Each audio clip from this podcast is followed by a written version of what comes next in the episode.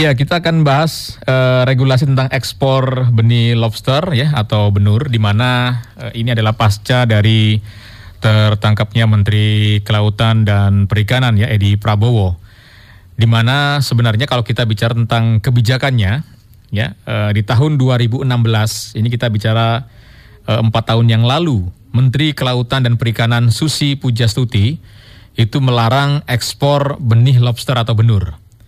Dan itu diatur melalui peraturan Menteri Kelautan dan Perikanan atau KKP eh, nomor 56 tahun 2016. Nah, alasannya ini alasan dari Menteri KKP waktu itu ya, Susi Pujiastuti bahwa eh, Indonesia itu belum memiliki teknologi budidaya lobster dan keberlanjutan sumber daya.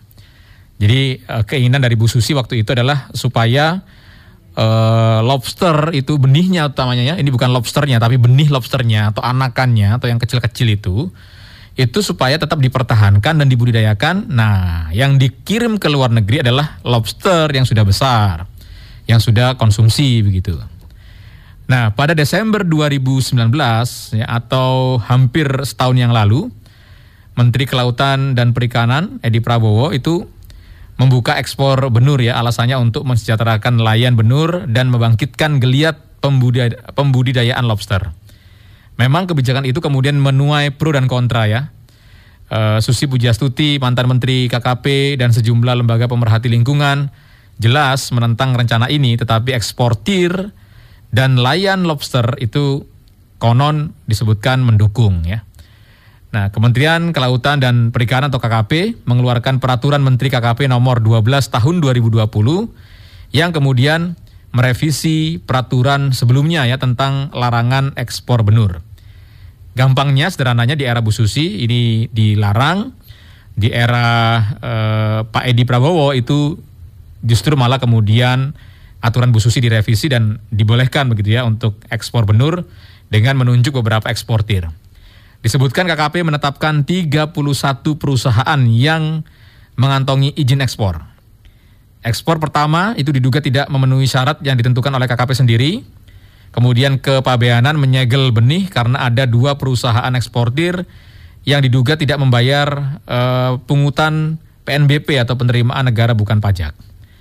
Nah kemudian pada September 2020, kantor Bea dan Cukai Soekarno-Hatta juga menggagalkan 1,5 juta ekor benih bening lobster yang eh, disebutkan akan diekspor ke Vietnam ya oleh 14 perusahaan eksportir. Ini akan diekspor ke Vietnam.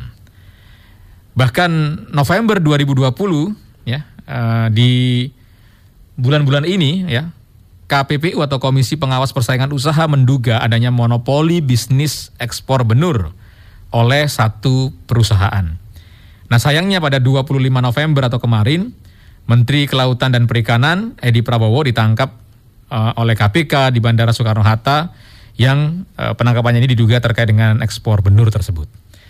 Jadi ini adalah lika-liku yang muncul ya, yang menyeret Menteri KKP ke KPK, yang otomatis ya uh, ini adalah mungkin imbas dari membuka kembali keran penangkapan benih lobster atau benur untuk budidaya dan ekspor, yang mana uh, pembukaan keran ekspor benur ini dimulai pada Mei 2020. Padahal di tahun 2016 kita flashback seperti yang saya bacakan tadi. 2016 Menteri Kelautan dan Perikanan Susi Pujastuti, Menteri KKP era uh, Kabinet Kerja pertama itu melarang ya, melarang perdagangan dan ekspor benur dengan sejumlah alasan di antaranya adalah ini adalah uh, teknologi pembudidayaan yang belum dimiliki secara mumpuni oleh Indonesia. Yang kedua, uh, tidak ingin regenerasi ya atau yang namanya bibit ini kan masih anakan begitu. Sehingga uh, Menteri Susi ingin keberlanjutan sumber daya alamnya ini terjaga begitu. Jadi yang diekspor ya jelas lobsternya saja benihnya jangan ya. Kita olah sendiri kita besarkan di sini ya. Kita jaga di laut kita.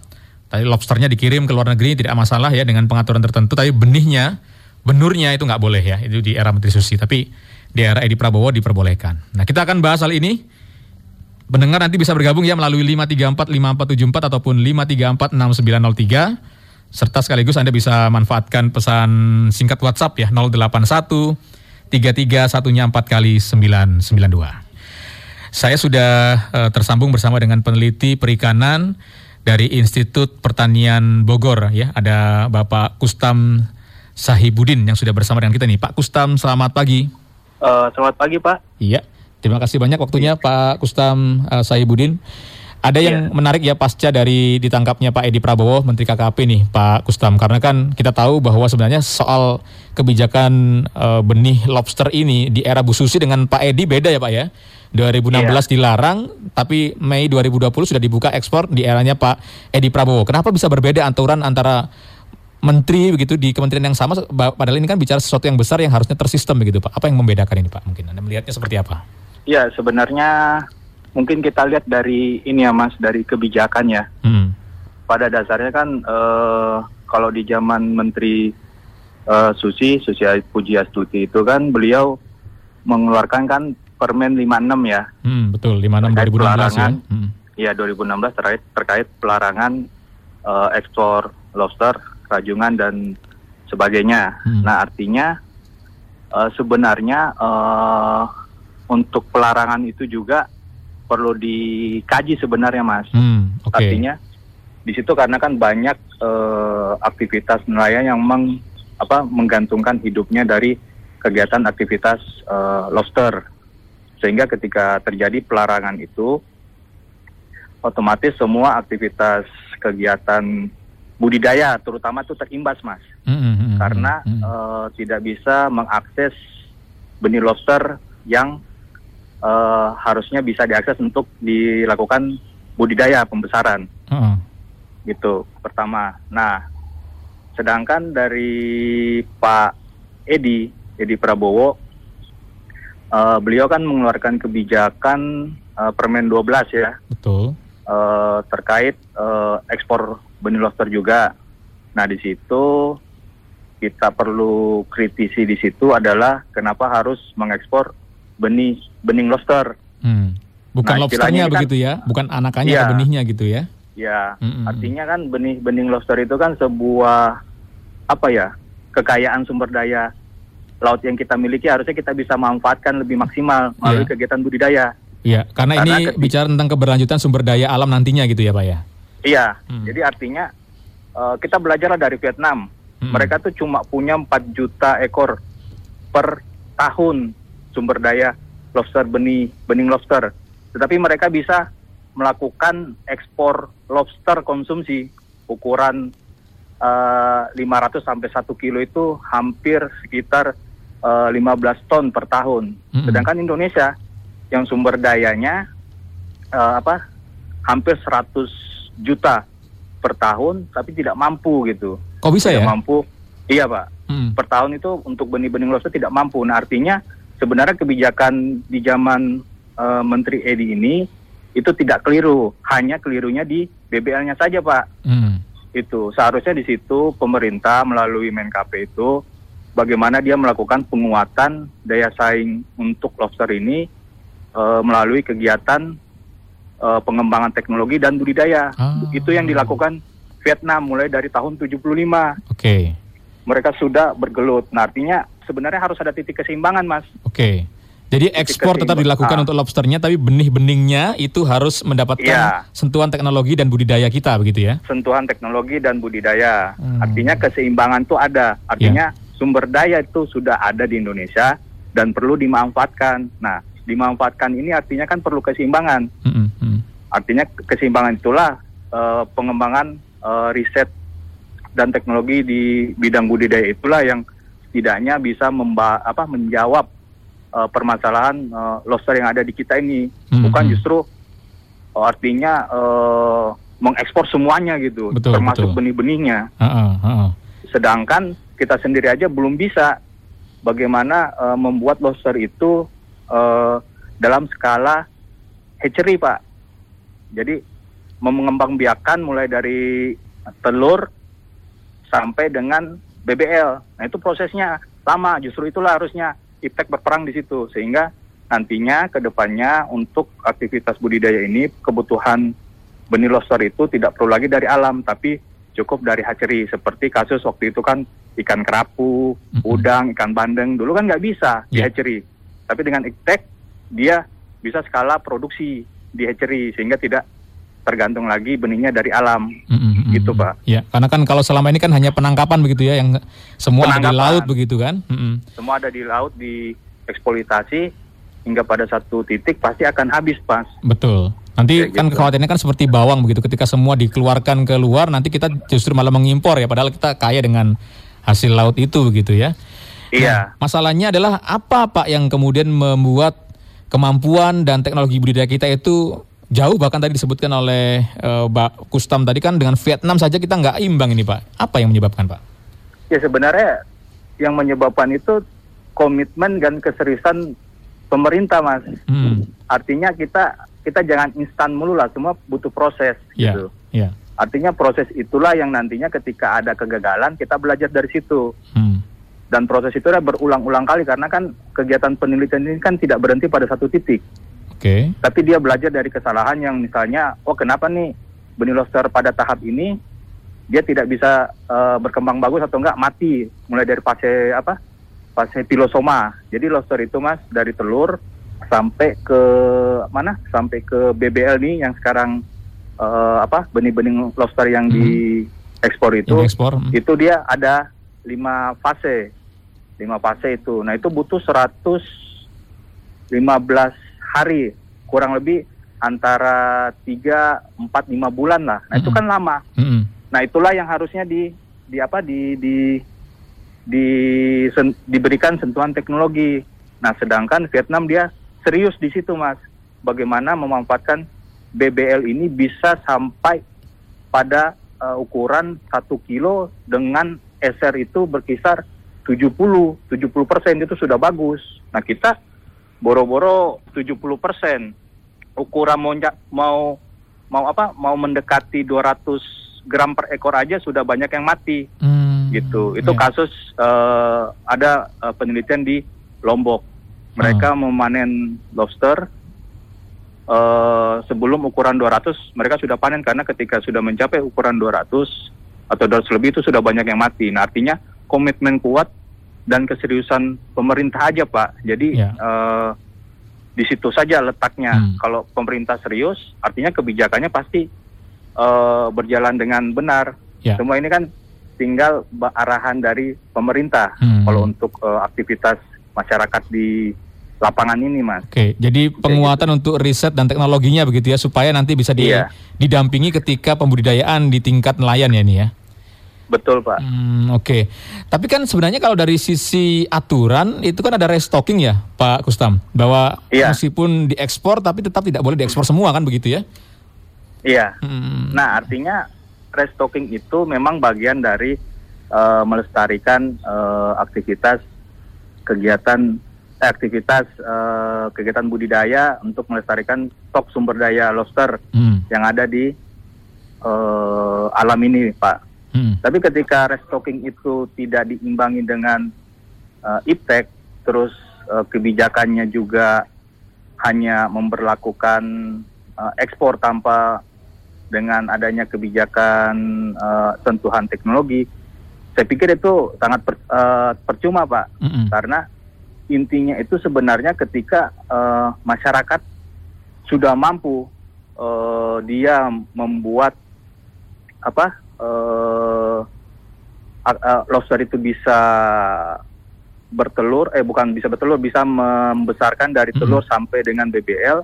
Nah, di situlah aktivitas kelestarian terus aktivitas ekonomi, manfaat ekonomi secara langsung buat masyarakat tuh bisa. Jadi mm -hmm. uh, restocking itu memang bagus, tapi harus dibarengin juga yeah. dan sama uh, transparansi kebijakannya.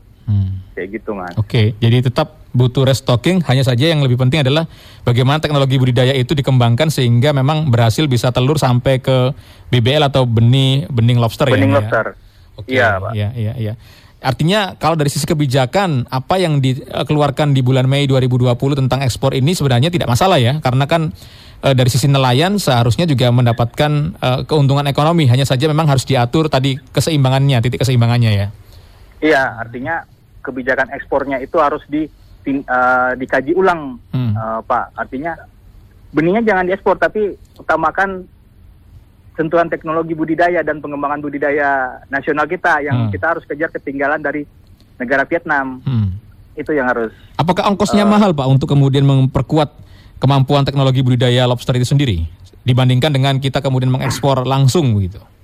Nah, artinya di sini kan harus ada pionir, pionir eh, semacam eh, motor penggerak. Ya, Hmm. Pasti itu dari pemerintah. Pemerintah bisa menggandeng eh, universitas-universitas yang memiliki eh, kapabilitas terkait eh, budidaya, Hmm. khususnya budidaya laut eh, dengan komoditas lobster. Artinya di situlah riset dan teknologi dikembangkan dan harus mendapat dukungan penuh dari eh, pemerintah, apakah itu dari KK KKP atau Kemenristek Dikti melalui eh, anggaran-anggaran penelitian dan tidak berhenti pada satu titik. Hmm, hmm, hmm. Itulah yang dilakukan oleh Vietnam sehingga mereka punya formulasi bagaimana eh, BBL itu mereka bisa besarkan sampai eh, ukuran satu kilo sehingga mereka eh, mengekspor yang konsumsi. Hmm. Mereka tidak tidak mengekspor BBL karena di satu sisi Iya. mereka sumber daya benihnya tidak Tidak banyak ya? eh, tidak banyak. Betul, Gitu, betul. BBL-nya tetap dibudidayakan sendiri untuk eh, Iya. ekspor konsumsinya sampai ukuran satu kilo. Sementara kita belum sampai 200 gram sudah mati ya lobsternya ya. Iya. Jauh sekali Pak ini Pak. Ah, IPB gimana Pak tentang teknologi budidaya lobster ini sendiri? Nah, memang kemarin eh, kita eh, sempat melakukan kajian terkait untuk lobster, artinya metode-metode yang kita lakukan memang eh, lesson learned dari eh, Vietnam dengan menggunakan eh, submersible cage, artinya tra, eh, kerangkeng tenggelam. Jadi wadah untuk budidaya lobster itu kita tenggelamkan di dalam perairan, Nah, kurang lebih 2 meter sampai 3 meter kedalaman eh, di atas permukaan air laut, Pak. Hmm. Nah, di situ ada ada pembelajaran bahwa eh, kita budidayakan sampai ukuran 200 sekian dan memang eh, di situ masih ada kendala eh, tingkat kematian itu masih tinggi Hmm. gitu. Tetapi kita sudah berhasil eh, untuk membudidayakan sampai ukuran 230 240 gram, Pak. Tapi memang eh, survival rate tingkat ke- bertahan hidupnya itu memang masih rendah, masih di bawah 60 persen. Tidak Hmm, seperti di hmm, hmm. Vietnam. Nah, artinya itu kita pelajari lagi karena lobster ini dia eh, apa hewan yang sangat sensitif, Mas. Hmm. Perubahan suhu, Iya, iya. perubahan eh, apa suhu kualitas air, Suhu, kualitas Terus, air. ah, terus ketersediaan oksigen di dalam air. Oke. Nah, itu akan mempengaruhi karena proses pertumbuhannya itu kalau lobster ketika dia molting. Nah, ketika dia molting itu dia sangat sensitif dengan kualitas air. Ketika kualitas air tidak mendukung, proses molting itu tidak akan terjadi dan kemungkinan dia akan mati. Oh, seperti itu. iya, Sama. iya. Eh, formulasi pakan Heeh. formulasi pakan di sini dalam artiannya eh, lobster ini kan dia hewan yang aktif eh, mencari makan di malam hari, Mas. Iya, iya, iya.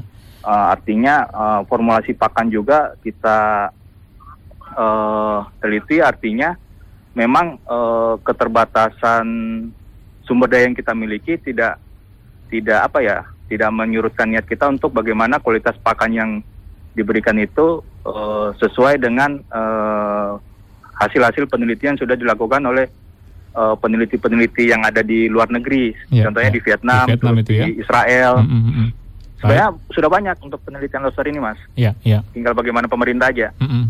Tapi lu- luar biasa nih bisa sampai ukuran satu kilo ya untuk Vietnam ya. Nanti mungkin kita bisa bedah Iya, lagi Pak. soal itu. Kita ke pendengar boleh ya Pak Kustam ada pendengar mungkin ada pendapat eh, singkat yang kita dengarkan dulu. Mas Dewa, Baik, selamat Pak. pagi. Pagi Mas Arif. Ya, silakan Mas Dewa. Oke, eh, selamat pagi Bapak. Jadi saya sangat salut sama Vietnam sebenarnya. Vietnam itu dulu nggak kaya dengan kopi, terus dibantu Indonesia 84. Sekarang akhirnya kopinya juga lumayan bagus sampai kita kena demam kopi Vietnam. Padahal itu artinya kopinya kita juga itu. Lobster juga tertarik juga dari Bapak barusan ngomong ternyata lobster juga dari kita juga. Jadi kok bisa ya ternyata negara yang nggak sebesar Indonesia kok bisa sukses? Mungkin kuncinya adalah apa? Fokus dan dia rajin. Dan yang dipelajari cuma itu itu aja. Nah Indonesia jadi pelajaran itu banyak ya Pak Rustam Nun Sewu.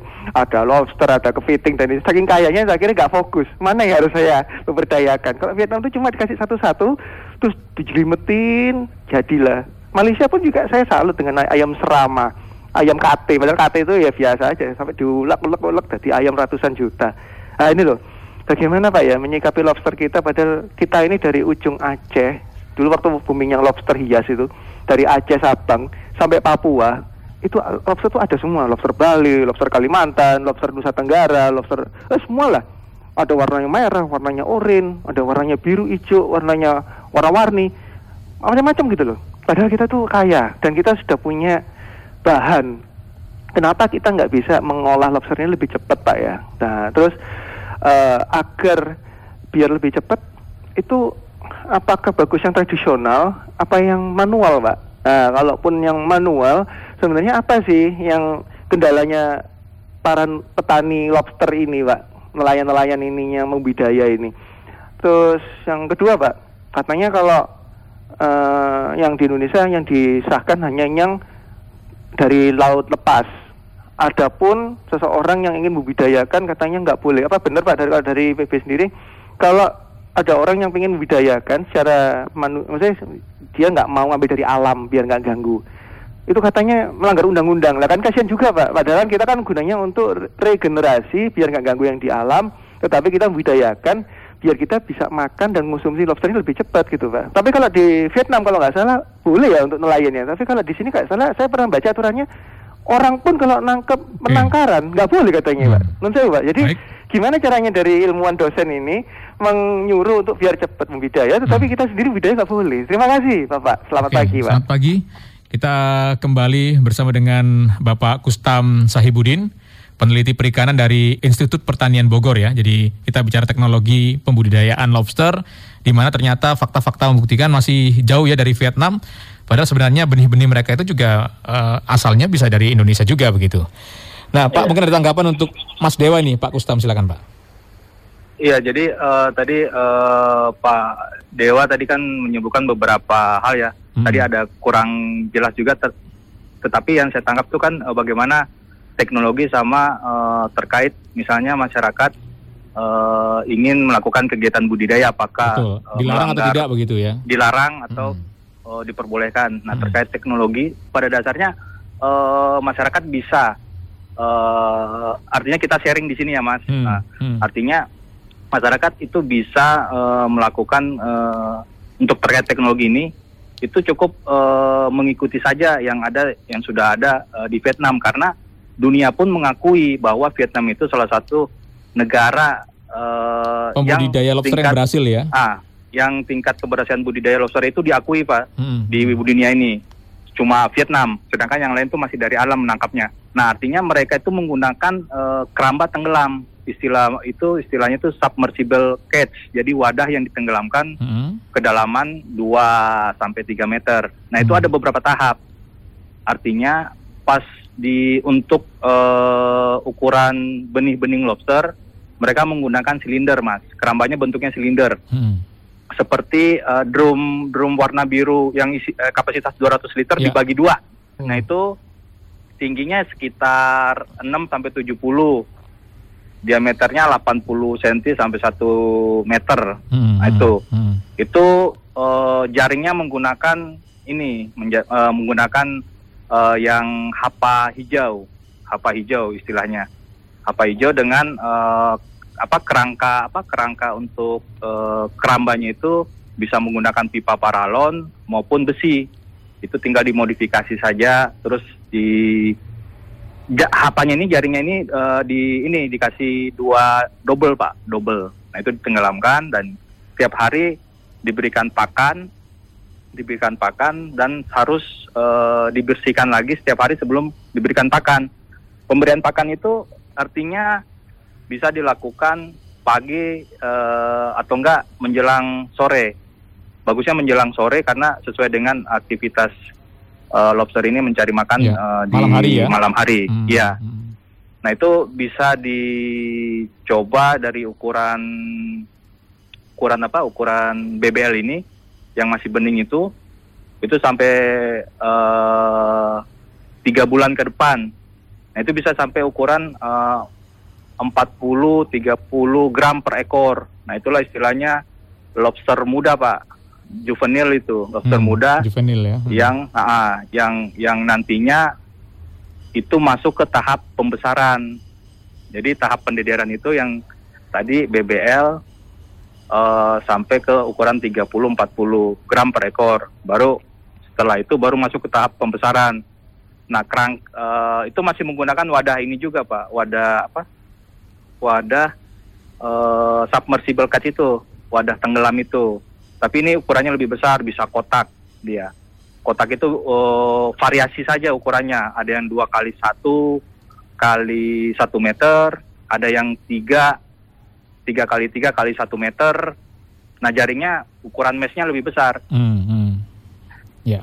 sa- setengah inci sampai satu inci. Nah itu di- ditenggelamkan lagi. Hmm. Tetap jaringnya double Ya. untuk eh, menghindari predator.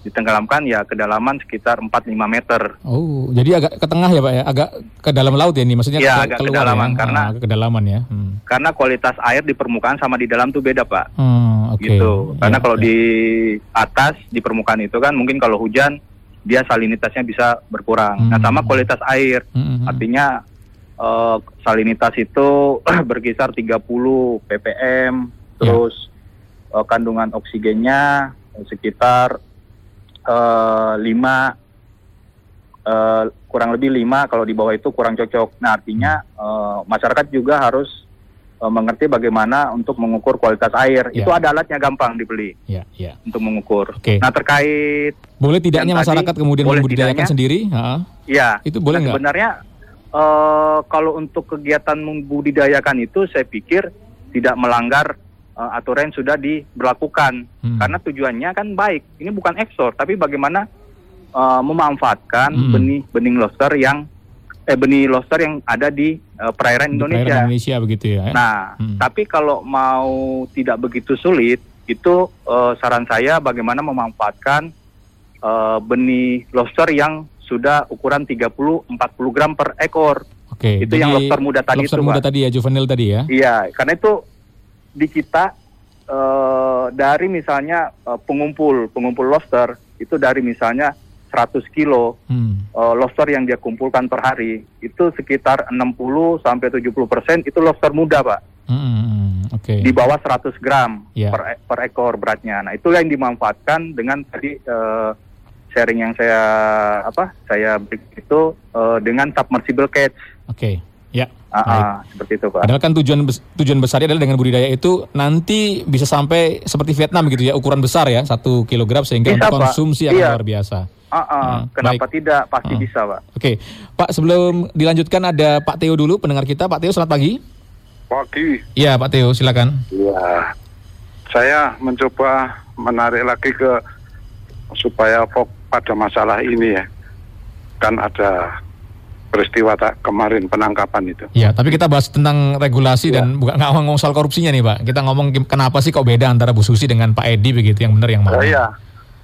Itu kan isu apa masalah yang berkembang itu ada tiga ya.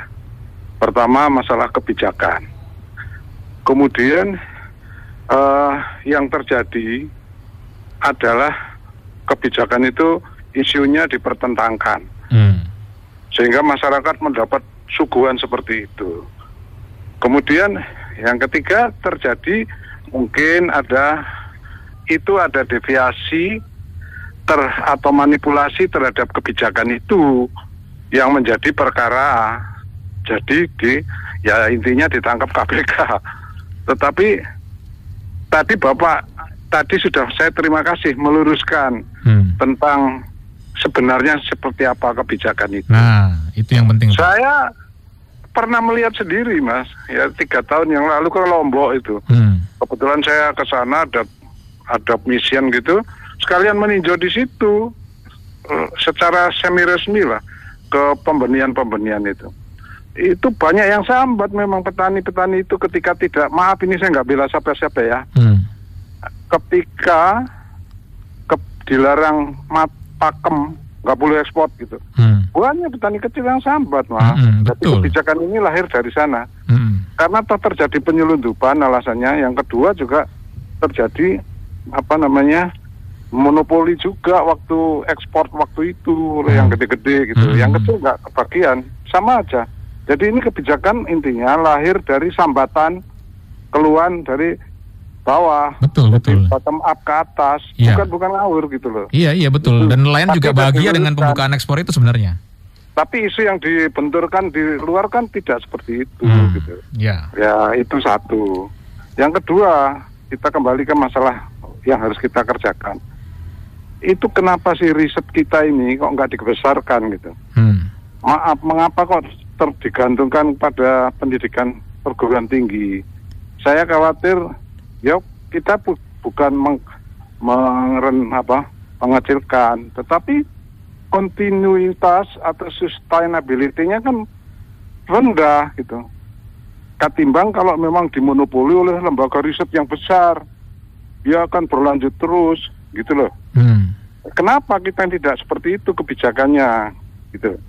Apa kan berkaitan dengan dana yang kurang itu? Ya, Ya ditambahlah sektor itu oleh DPR. betul.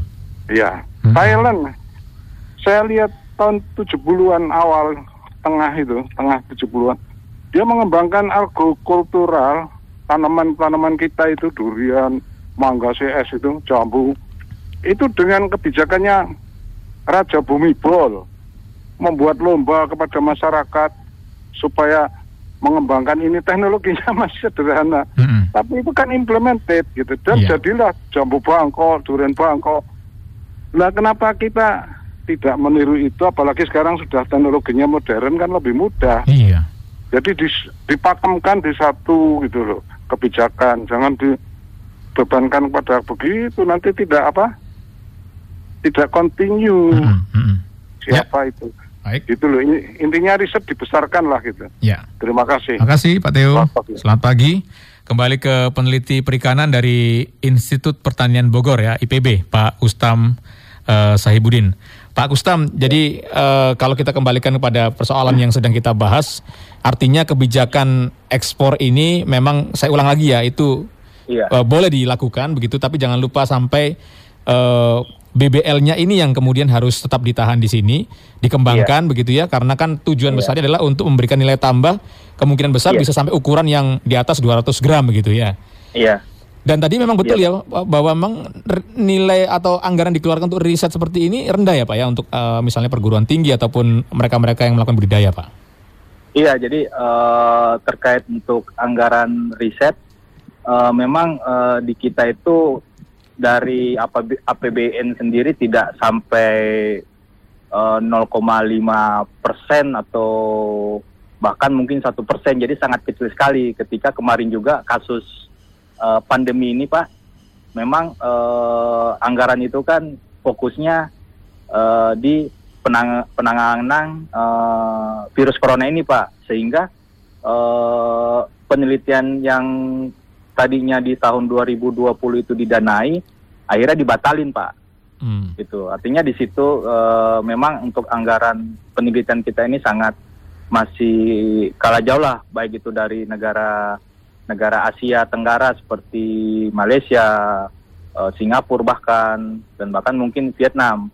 Nah, memang eh, di situlah pentingnya pengembangan riset dan teknologi, apalagi terkait pengelolaan lobster yang kalau bisa saya bilang lobster ini kan mahkota laut di Indonesia. Hmm. Hmm. Nah, artinya eh, pemerintah sendiri eh, belum memiliki roadmap terkait bagaimana eh, pengelolaan lobster ini yang tepat secara bijaksana dan berkelanjutan dan itu Oh.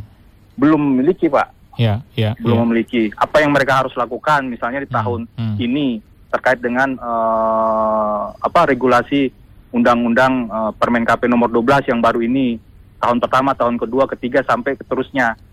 Nah itu belum ada Mungkin cuma kebijakan-kebijakan ekspor saja. Baik. Seperti itu, Pak. Pak, cuman tadi istilah mahkota laut itu eh, seistimewa apa sih Pak hasil laut dari lobster ini? Mengingat kalau kita ngomong soal orang Indonesia, apalagi kita negara Iya. maritim begitu ya. Orang Indonesia Iya. ini jarang loh Pak makan lobster ya. Karena Iya. mungkin saking mahalnya gitu ya. Meskipun kita Saking punya mahal, sendiri tapi kita incip-incip lobster aja jarang begitu. Bagaimana sih Iya. tentang mahkota laut ini sampai sebutannya mahkota laut sebagaimana besar hasilnya ini? Iya, jadi artinya eh, dari eh, data yang disajikan oleh eh, ini eh, peneliti Pak Prian Bodo Hmm. bahwa eh, sumber daya lobster kita itu per tahun itu sekitar 100 juta lebih eh, per ekor, eh eh, 100 juta lebih eh, ekor, 100 juta ekor lebih Hmm. eh, per tahun. Nah itu sempat saya simulasikan eh, terkait penghitungan keuntungan yang diperoleh dari aktivitas budidaya ketika eh, benih sebanyak itu eh, dimanfaatkan dan tentunya dukungan teknologi. Hmm. Nah, artinya kita asumsikan bahwa teknologi kita bisa seperti Vietnam. Kita asumsikan teknologi kita sudah seperti Vietnam, itu mampu menggeser eh, negara-negara penghasil lobster eh, terbesar di dunia seperti Amerika maupun eh, Australia Hmm. dan itu mampu eh, menghasilkan kalau tidak salah waktu itu eh, dalam tulisan saya di Republika itu eh, judulnya itu lumbung lobster dunia Hmm. Indonesia bisa Hmm. menjadi lumbung lumbung lobster dunia dari eh, apa kegiatan budidaya memanfaatkan sumber daya lobster yang kita punya itu Oke. Nah, itu mampu menggeser dan eh, itu bisa sampai sekitar 30 triliun per tahun Oke, 30 triliun Oh, per dari- tahun ya. dari dari dari pemanfaatan sumber daya itu. Nah, Oke. sedangkan kalau untuk ekspor saja cuma sekitar 2 triliun, Pak. 2 triliun. Oke. Iya. Jauh ya Pak ya. sekali. Jadi karena Jauh kan sekali. sebenarnya kuncinya kita punya benih yang sangat banyak begitu ya, 100 juta Iya. ekor per tahun. Ditambah Dan dengan berkualitas, Pak. Iya. benih kita berkualitas begitu ya. Iya. Ditambah dengan eh, peningkatan eh, kapasitas dari ini eh, secara kualitas benihnya sampai Iya. dengan ukuran 1 kg seperti eh, Vietnam, kita itu bisa sampai 30 Iya. triliun per tahunnya untuk pendapatannya Iya. dan bahkan bisa menjadi lumbung lobster dunia ya. Iya, Pak. Eh, Kenapa Sepakat tidak disadari? Pak. Kenapa tidak disa- disa- disadari seperti itu, Pak? Apakah pemerintah sebenarnya sudah sadar bahwa potensi itu sebesar ini, tapi kenapa ya? ini ya kan kalau itulah, hitung-hitungan saya kasarnya kan luar biasa sekali begitu. Iya. Itulah kalau untuk mencapai ke arah itu kan itulah tadi yang saya katakan Pak, itu kan butuh proses ya. Ah. Artinya itu tidak tidak bukan hal yang mustahil. Ah, Vietnam ah. aja bisa, Cuman kita juga bisa. saya sebenarnya nggak Nah, mau mengarah ke sini, Pak. Cuman apakah memang ada hubungannya dengan monopoli perusahaan tertentu yang mengekspor, ataukah kemudian eh, yang kemarin juga dikait-kaitkan dengan 31 perusahaan yang mendapatkan izin ekspor dari KKP? Ini apakah ada kaitannya dengan itu? Ya artinya eh, kalau saya beranggapan itu proses instan Pak. Segala sesuatu yang instan itu memang eh, mungkin menggiurkan ya. Lebih cepat menghasilkan Artinya gitu ya? Lebih cepat menghasilkan kayak misalnya kita seduh Indomie. Hmm. Nah, itu kan lebih enak, Pak. Dibanding misalnya kita harus masak dulu, capek dulu. menyekolahkan. kan. Nah, itu seperti itu kurang lebih Iya, eh, iya, apa gambarannya. Artinya terkait eh, kebijakan-kebijakan itu ya untuk monopoli itu ya saya kurang begitu paham artinya. Mm-mm. ya itulah eh, artinya pemerintah harus eh, serius dan itu semua butuh proses tidak tidak ada yang instan Ya, Kayak ya. gitu, Pak. Baik. Budidaya saja tidak cukup, ekspor saja tidak Iya. cukup. Jadi budidaya dan ekspor adalah titik keseimbangan begitu ya, harus dua-duanya jalan ya, Pak ya. Iya, sama teknologi, Pak. Dan teknologi ya. Baik. Terima kasih banyak Bapak untuk pengetahuan yang sudah disampaikan. Waalaikumsalam. Peneliti perikanan dari Institut Pertanian Bogor ya, Kustam eh, Sahibudin. Jadi beliau mengatakan bahwa pentingnya untuk memperkuat teknologi dan budidaya serta ekspor ya. Ekspor ini tetap ya karena ekspor ini kan adalah hasil dan kemudian juga akan menggerakkan sektor real ya seperti para nelayan. Jangan budidaya dan teknologi saja tapi lupa ekspor, ekspor saja tapi lupa budidaya dan teknologi. Padahal eh, benih lobster kita yang berkualitas itu jumlahnya bisa sampai 100 juta ekor per tahun dengan asumsi ketika kemampuan budidaya kita selevel eh, Vietnam itu bisa mendapat 30 triliun per tahunnya ya. Dan ini bisa disebut sebagai lumbung lobster dunia kalau kita mampu melakukan itu. Pertanyaannya adalah kenapa kemudian itu dilakukan? Mungkin yang diambil adalah pilihan untuk instan tadi ya. Digambarkan kalau mie instan itu lebih cepat makan daripada kita membuat mie sendiri yang dimasak ya kita harus iris bawang, iris cabai, buat bumbu ya, kemudian memasak uh, mie-nya lama ya. Jadi butuh yang instan, cepat dan menghasilkan. Padahal sebenarnya kalau itu mau kita dengan riset dan juga pengembangan teknologi ya ketika mencapai titik yang dituju yakni ukuran satu kilogram per ekor ya maka nilai yang kita bisa tambah itu berlipat-lipat. Kalau sekarang ekspor cuma 2 triliun kalau dengan penambahan teknologi dan budidaya membuat yang diekspor itu besar-besar itu bisa sampai 30 triliun per tahunnya. Jauh ya jauh sekali berlipat-lipat. Nah ini yang uh, tentu saja kemudian menjadi hal yang harus dipertimbangkan ya. Yang instan-instan ini memang uh, lebih menggiurkan karena uangnya cepat datang. Tetapi dengan teknologi dan budidaya itu pun juga tidak ada salahnya karena itu akan meningkatkan nilai tambah ekspor kita di bidang lobster ya, bahkan disebut sebagai lumbung lobster dunia. Kita banyak ber ya, banyak belajar ya pada pagi ini supaya bisa mengetahui titik persoalannya. Jadi secara kebijakan pembukaan ekspor lobster itu tidak keliru ya, tetapi harus diimbangi dengan teknologi dan budidaya untuk mengembangkan lobsternya supaya lebih berkualitas dan ukurannya lebih besar lagi. Ya, tapi ini yang menjadi persoalan mungkin lain ya yang ditangkap oleh KPK kemarin itu mungkin saja bukan hanya soal uh, ekspornya ya, tetapi di balik ekspornya seperti misalnya penerimaan dari pihak lain ya, monopoli pihak lain ataupun orang-orang yang terlibat di balik itu. Ya, itu yang lain ini, soal hukumnya ini yang lain ya, tapi kita bicara soal teknis. Kita ini kaya lobster bahkan disebut sebagai mahkota laut. Masyarakat kita saja jarang makan lobster ya karena saking mahalnya.